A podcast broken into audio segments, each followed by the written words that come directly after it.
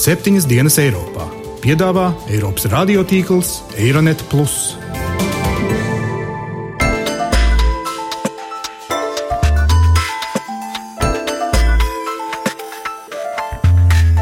Šonadēļ septiņas dienas Eiropā dzirdēsim. Korupcija ir attīstījusies dažādos līmeņos. Ukrainā šobrīd liela daļa iedzīvotāju ir vīlušies. Viņus neuztrauc globālais reformu modelis. Tas, ko mēs saucam par valsts nozagšanu.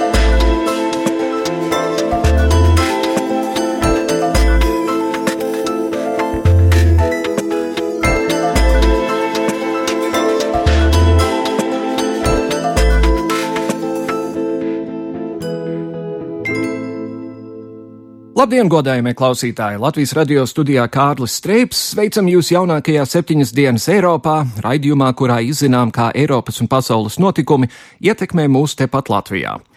Ukrainā nespēja vienoties par nodokļu sistēmas pārveidošanu, draud aizkavēt ļoti vajadzīgu nākamo starptautiskā valūtas fonda pusotra miljārda eiro aizdevumu maksājumu.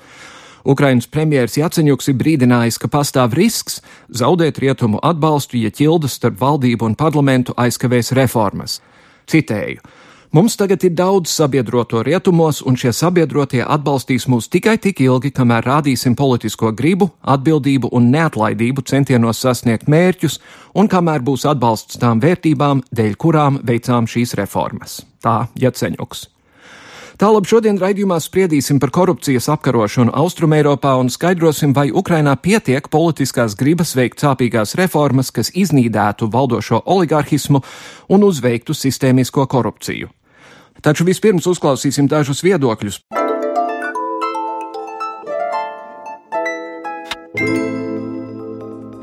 Terors turpinās.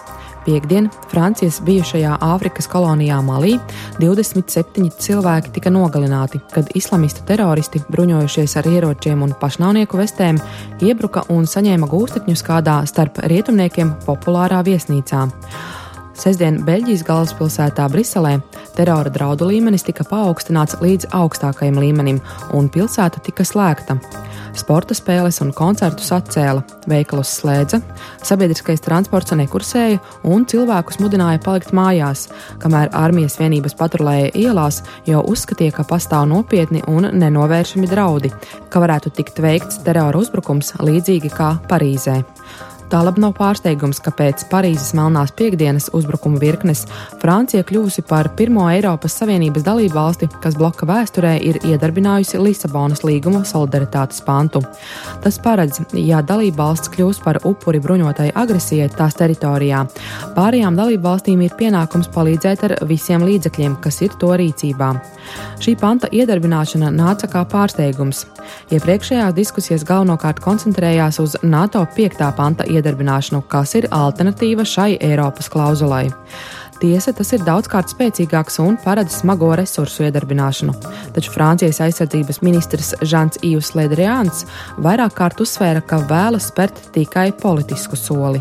C'est un acte politique d'abord, qui existe pour la première fois. Pirmkārt, tas ir politisks lēmums. Mēs to pieņemam pirmo reizi. Es gribu, lai tas visiem būtu skaidrs. Kā tas strādās?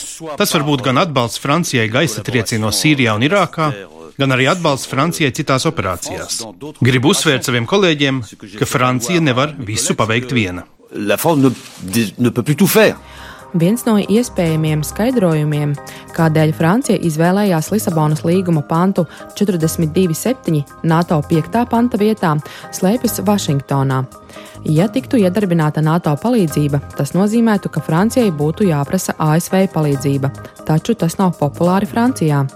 Otrs skaidrojums uzsver, ka Francija apzināti vēlas apiet Eiropas institūcijas panta 42.7. vietā Francija varēja iedarbināt arī Eiropas Savienības 222. pantu, kas ir teju identisks, bet ar vienīgu atšķirību, ka šajā klauzulā terorisma gadījumā dalību valstīm būtu jārīkojas solidāri.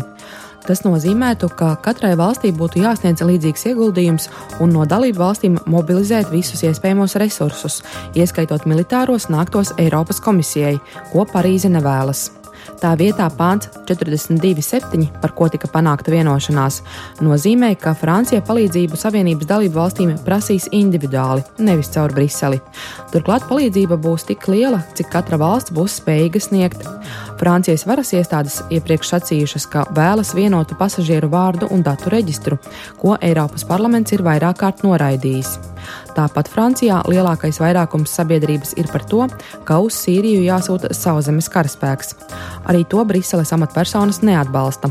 Latvijas ārpolitikas institūta direktors Andris Sprūts ir sacījis, ka noteikti tiks lūgta palīdzība iesaistīties gaisa triecienos, un nevar izslēgt, ka Francija lūgs sauszemes operācijās iesaistīties arī Eiropas valstu armijas, tā izskaitā arī Latvijas.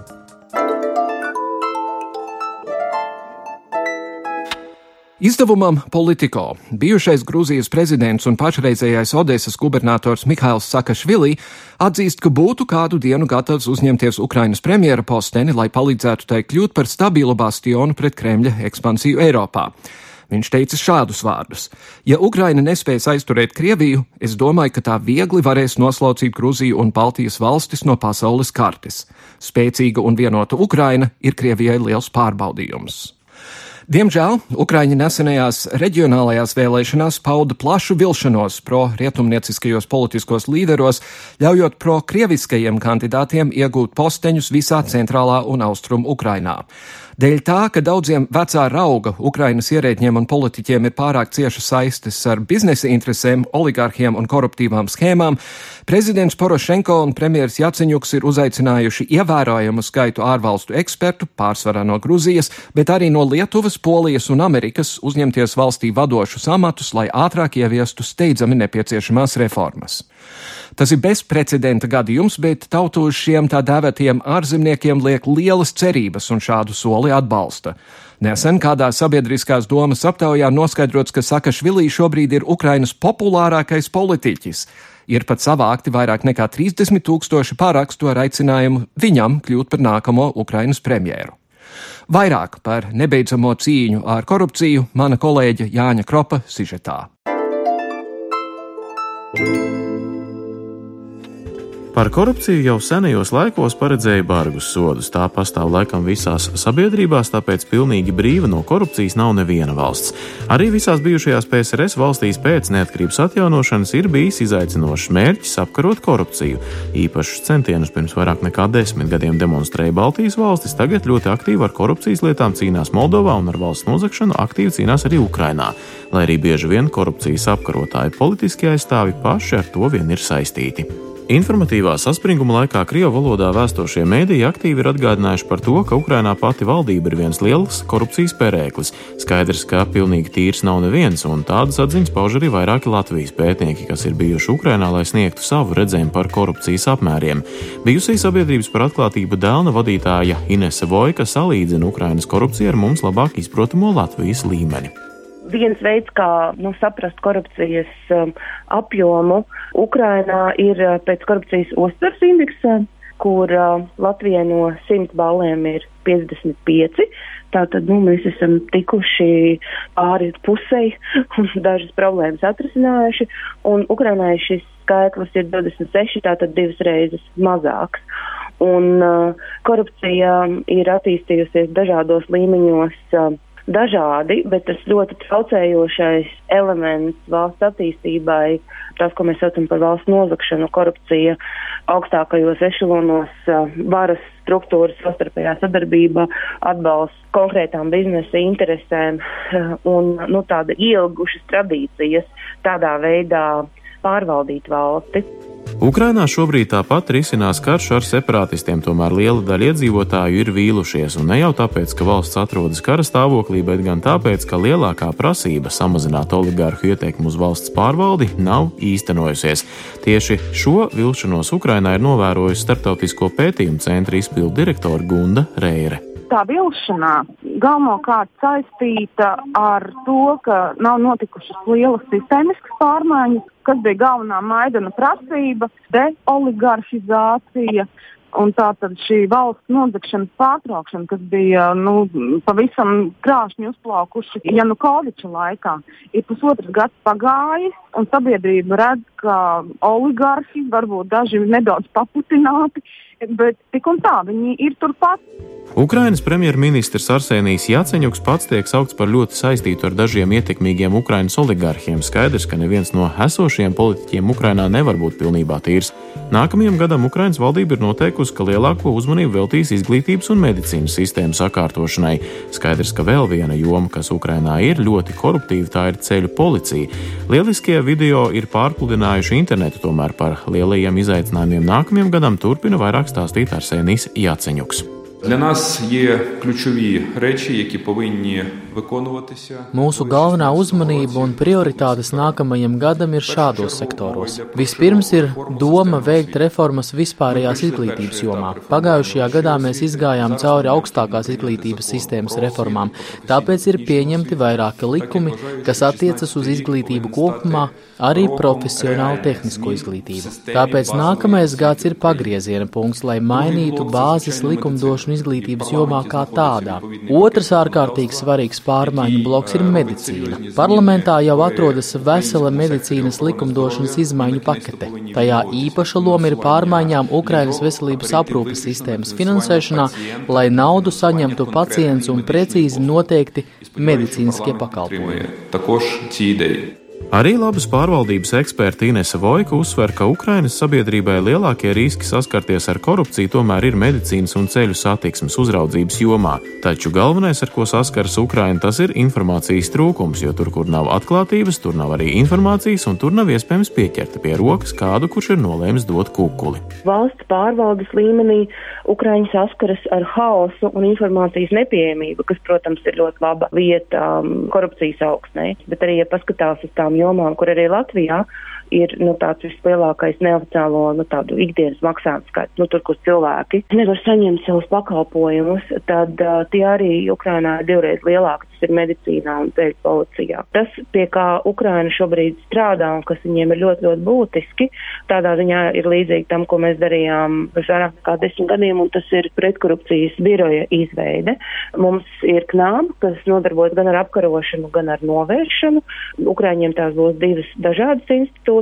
Šobrīd galvenā uzmanība ir uz pretkorupcijas institūciju, kurai ir izvēlēts vadītājs, un šobrīd tas saspringtais darbs ir pie īpašas pretkorupcijas prokuratūras izveides. To, ka cīņa pret korupciju ir ļoti sarežģīts process, paši ļoti labi zinām, tiklīdz tiek skartas ietekmīgu cilvēku intereses vai ir izgāzti ļoti ienesīgi darījumi, tā sākas jēzgab šādu korupciju uzraugošu iestāžu darbu. To, ka ir sarežģīti cīnīties ar kukuļu ņemšanu un kukuļu došanu, nenoliedz arī paši Ukrāņi, turpina Gunda Reire ir sarežģīti. Viņi paši atzīst, ka šobrīd cīņa pret korupciju tas ir, nu, var teikt, viens no uzdevumiem. Numur viens tā problēma ir ne tikai šajā prezidentam vai valdībai vai parlamentam pietuvinātajos cilvēkos un cīņā pret varbūt atsevišķiem skaidri redzamiem gadījumiem valdībā. Bet korupcija ir cauraudusi pilnīgi visus sabiedrības slāņus. Un mēs varam runāt ne tikai par šo valsts nozagšanu, šo lielā mēroga korupciju, bet arī par to, ka korupcija notiek visminimālākajos sadzīviskākajos līmeņos. Žurnālisti Ukrainā ir šokējuši ar saviem materiāliem, kad atklāja, ka noteiktu preču grupām ir jau iepriekš noteikti izvešanas muitas tarifi. Šajā gadījumā tie būtu liekami pēdiņās, jo tarifi jau nav oficiālie valsts muitas tarifi. Nelikumīgās nodevas piemēro negodīgu ierēģu grupējumi. Ukraina, piemēram, ir liels valriekstu eksportētājs, bet, lai izvestu uz ārzemēm kravu šādu riekstu, vietējai pārvaldes amatpersonai jāsamaksā no 8 līdz pat 12 tūkstošiem eiro liels kukulis. Ko tad vēl runāt par darījumiem, kur iesaistīta nafta, gāze vai arī derīgie izrakteņi. Šobrīd Ukrāņi ir gatavi braukt uz ārzemēm un mācīties, kā labāk apkarot korupciju. Jautājums tikai viens, vai Ukrainā cilvēki ir gatavi arī mainīt paši savus paradumus.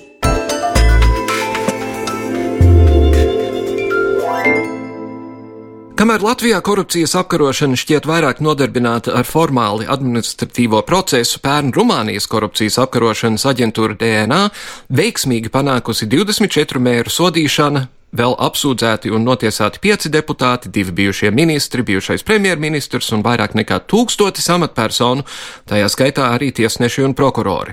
Tikko par atkāpšanos no amata arī paziņojis ministru prezidents Ponta, pret kuru notiek izmeklēšana par koruptīviem darījumiem. Lai noskaidrotu savukārt, vai arī Ukrainā vēlme kļūt rietumnieciskākai ir tik aptveroša, ka ierēdniecība ir gatava veikt sāpīgās reformas un apkarot postošo sistēmisko korupciju, esam studijā aicinājuši Latvijas Universitātes politikas zinātnes nodaļas vadītāju, asociēto profesori Ivetu Reinholdi. Labdien! Labdien! Ir gatava? Es domāju, ka jā. Kas tur ir lielākie šķēršļi, jūsuprāt? Droši vien, ka situācija Ukrainā un, un tām pārvaldības reformām, kas tur notiek, ir jāskatās, nu, varbūt no tādām divām perspektīvām. Protams, mēs labi zinām, tad, kad tiek uzrakstīts kāds likums vai tiek pausta politiskā griba, politiskā lozunga formā, tā ir viena lieta, bet otra lieta ir paši cilvēki, kā viņi uztver to situāciju, respektīvi paši valsts pārvaldē un pašvaldībās strādājošie. Un faktiski tur ar vien vairāk un vairāk parādās tā nepieciešamā kritiskā masa, lai reformas notiktu. Un vai tur ir liela sadalīšanās Ukrainā starp rietumu Ukrainu, kas ir vairāk tendēta uz Eiropu, un austrumu Ukrainu, kas ļoti izteikti nav tendēta attiecībā uz reformu ieviešanu? E, nu, atkal ar tām reformām viss nav tik vienkārši, ka viņas varētu sadalīt divos reģionos un teikt, ka rietumu vairāk grib un austrumu savukārt negrib. Nē, nu, tur drīzāk ir jāskatās arī no tā, kā paši valsts pārvaldes darbinieki skatās uz reformu procesiem. Un, protams, arī ir tādi, kas atbalsta reformas un ir tie pārmaiņu iniciatori un atbalstītāji gan austrum pusē, tā arī rietumu-Ukrainā. Un ir arī tādi, kas saka, nē, mums ir labi tāpat kā ir, un neaiztieciet, mēs esam savos amatos un neaiztieciet mūs, mums ir labi tāpatās. Tādi ir atrodami gandrīz katrā iestādē. Nu, ja. Un katrā gadījumā, ja mēs atceramies, tad, kad iepriekšējais prezidents Muka un tauta tika iekšā viņa ļoti grandiozajā pilī, un atrada arī, ka ģenerālprokurors dzīvo ļoti grandiozā pilī ar apzeltītiem klozetpodiem un vispārējo, ne jau viņi vieni paši, tur viņiem apakšā ir vesela sistēma, kas ļāva viņiem tā izdarīt, un diez vai no tās var tik viegli tikt vaļā.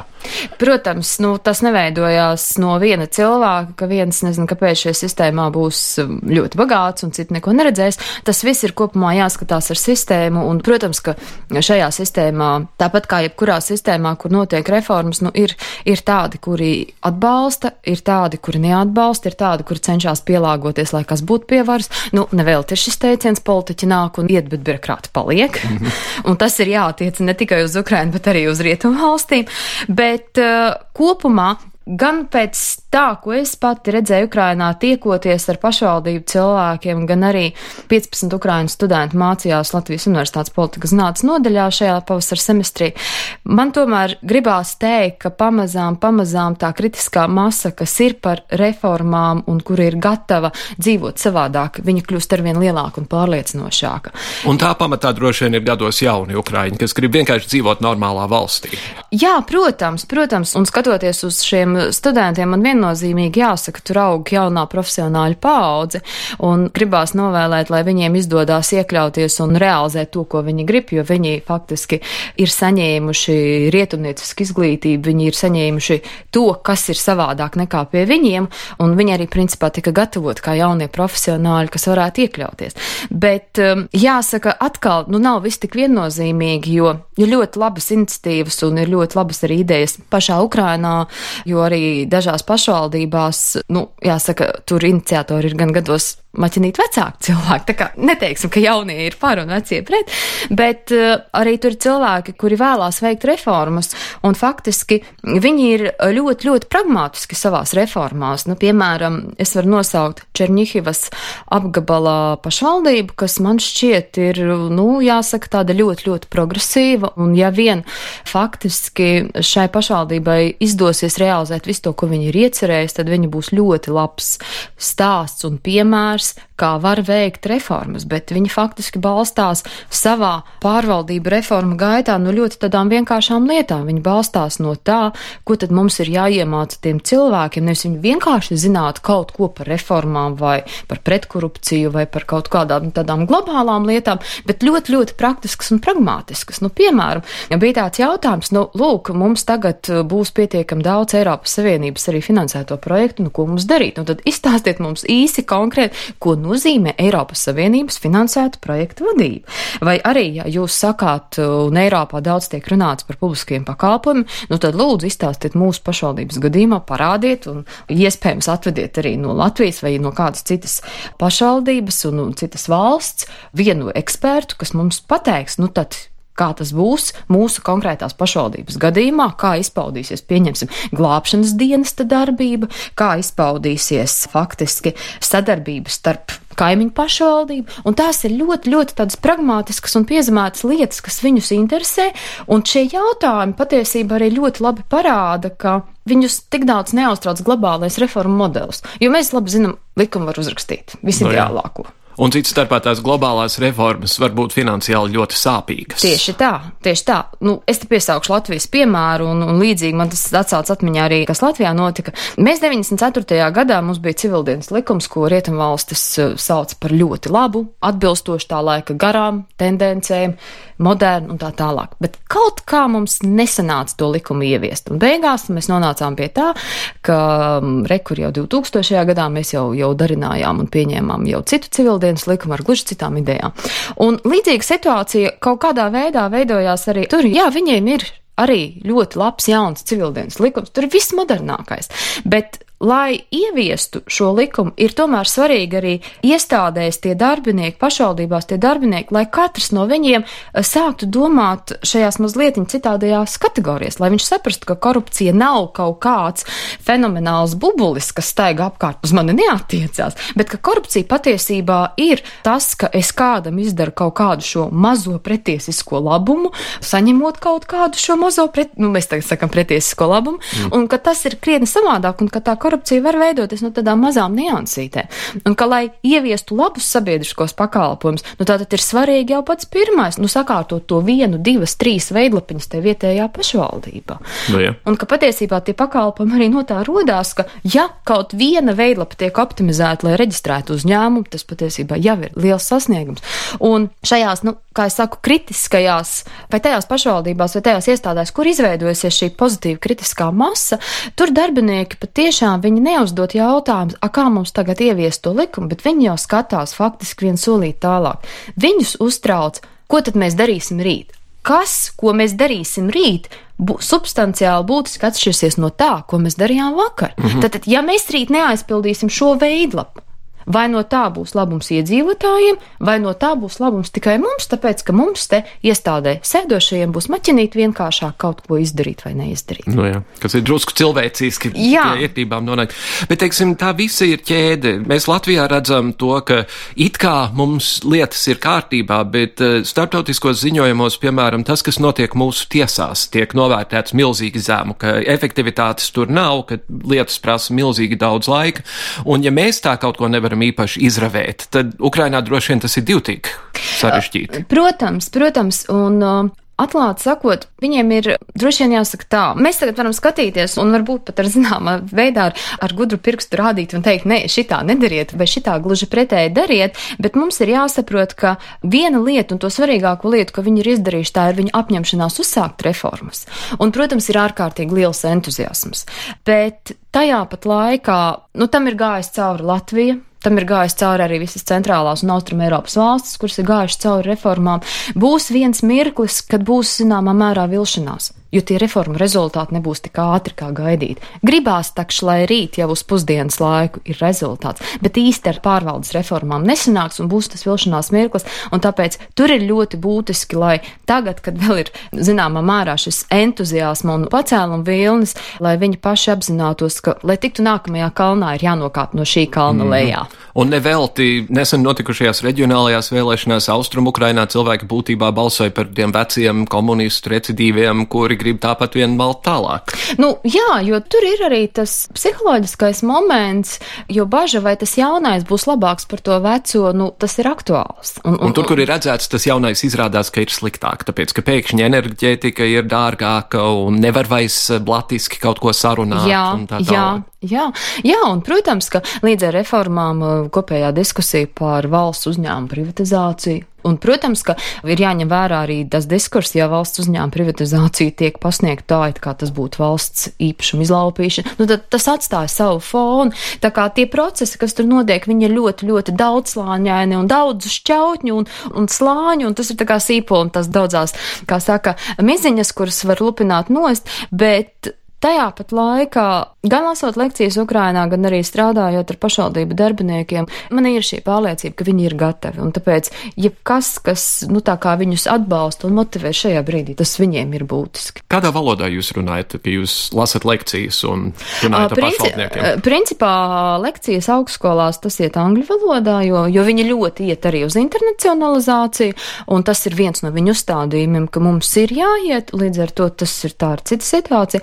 Savukārt, runājot ar pašvaldību darbiniekiem, jā, man ir bijuši gadiem, kad man ir lūgts, lūdzu, pārējiet uz krievu valodu, mēs visi saprotam, bet vai mēs drīkstam jums uzdot jautājumus ukraiņu valodā? Nu, protams, arī tādas niansītas, bet man svarīgākais ir, lai tiek saprast tas vēstījums un lai tas viņiem palīdz. Un tas, ka faktiski pašvaldību darbinieki jau ir daudzos gadījumos spējuši precīzi nodefinēt, ko tad viņiem vajag, lai ieviestu šīs reformas, ka viņi ir spējuši nodefinēt, kādas lietas viņi nezina, tas ir ļoti liels rādītājs. No, nu viņi pasaka, Ja viņi pasaka, lūdzu, lūdzu, pasakiet mums, iemāciet, jā, kā tad mums mērīt pretkorupcijas rezultātus, pasakiet mums, kā mums sadarboties ar nevalstiskajām organizācijām, pasakiet lūdzu, kā mums veidot attiecības ar biznesu tā, lai tur nebūtu atkal šīs korupcija aizdomas, pasakiet lūdzu, kā mums vispār veidot vietējās politikas, piemēram, izglītības politiku un to pašu izglītības iestāžu tīklu, mm -hmm. tad patiesībā tas no šī reforma viedokļa ir ļoti labs rādītājs, jo viņi uzdot ļoti, ļoti praktiskus jautājumus. Un tie ir tie jautājumi, kas ir būtiski, jo tie ir jāatrisina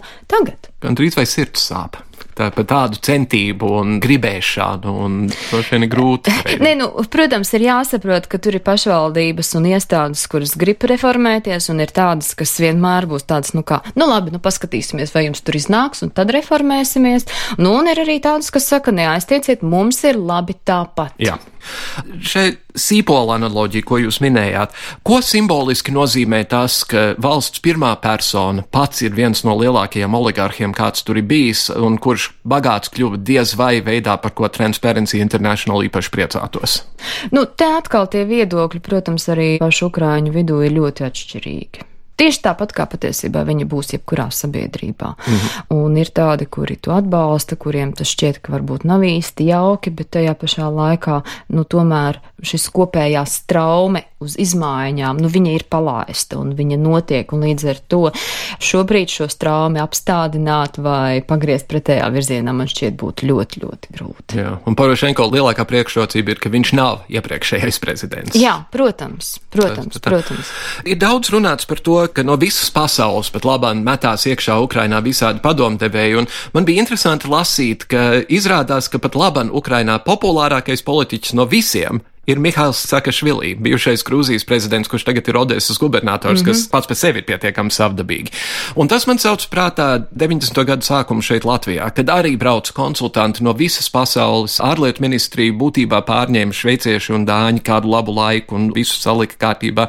Un es atceros, ka tajā laikā bija tāda drusku doma, kāpēc jūs domājat, ka jūs tiešām daudz labāk zināt nekā mēs kaut ko zinām.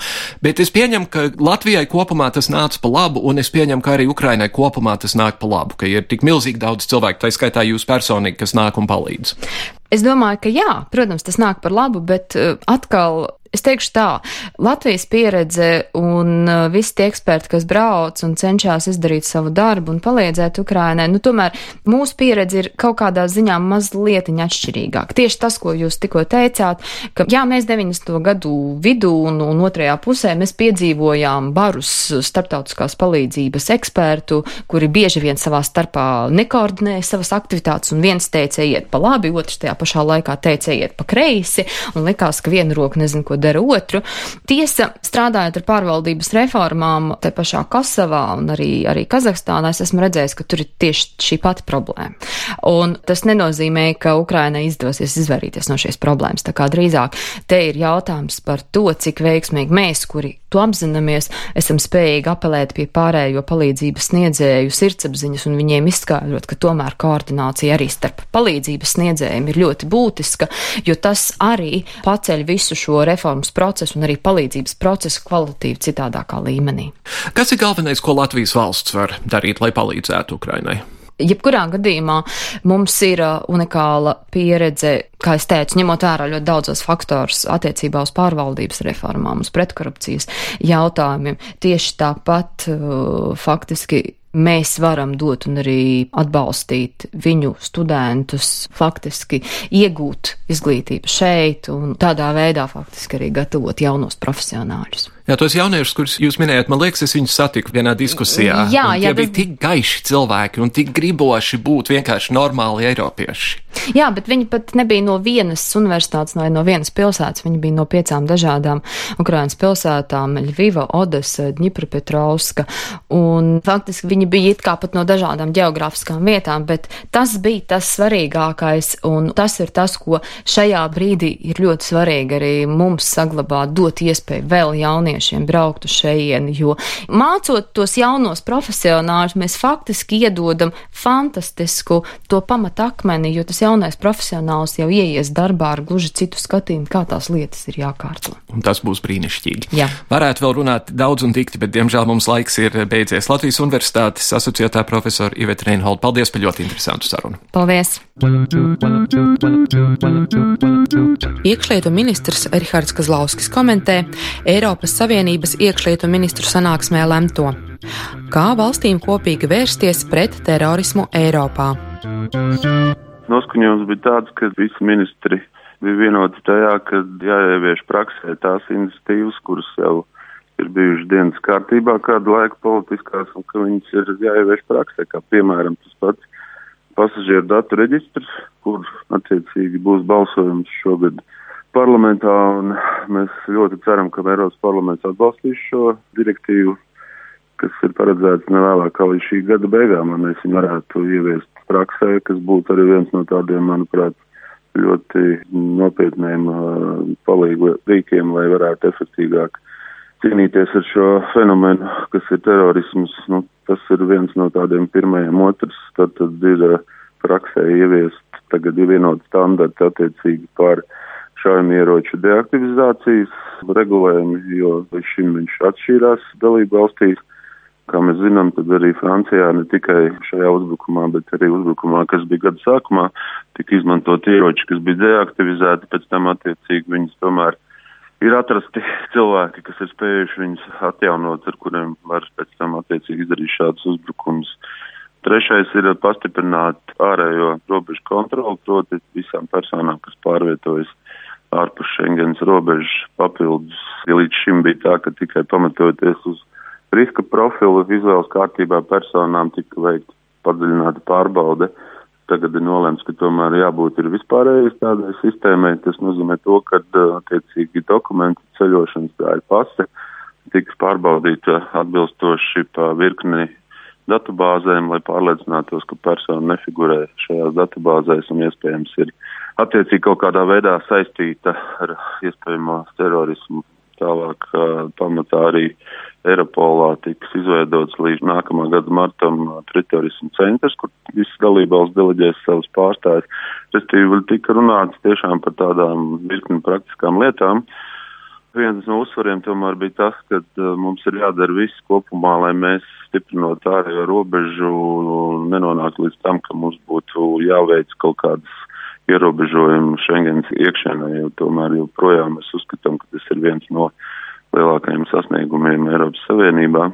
Attiecībā uz Franciju tas ir pilnīgi saprotams, ka viņi ir atjaunojuši robežu kontroli, ņemot vērā, ka viņiem ārkārtas situācija valstī. Šāds regulējums jau ir spēkā un tāds ir arī pieļaujams uz laiku, attiecīgi arī viņu pagarinot. Tas nav patstāvīgs mehānisms, tas tomēr ir laika jautājums līdz situācijas normalizācijai. No vienas puses arī mērķis ir tās kontrolas padarot varbūt dziļāks un efektīgāks, neradīt uh, problēmas ar cilvēku plūsmu. Tas arī skaidrs, ka, bet es domāju, ka pamatā par to, ko mēs varam rēķināties, attiecīgi, kad varētu būt uh, ilgāks laiks jāpavada šķērsojot šo ārējo robežu, ja, bet uh, nekāda cits papildus apgrūtinājumi, katrā ziņā nav pašlaik dienas kārtībā.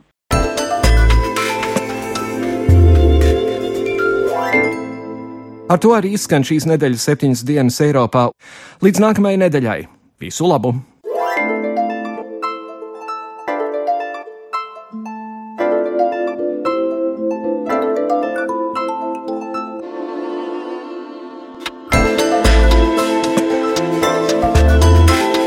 Raidījumu veido Kārlis Streips, Gita Siliņa un Jānis Krops. Producents Lukas Rozītis.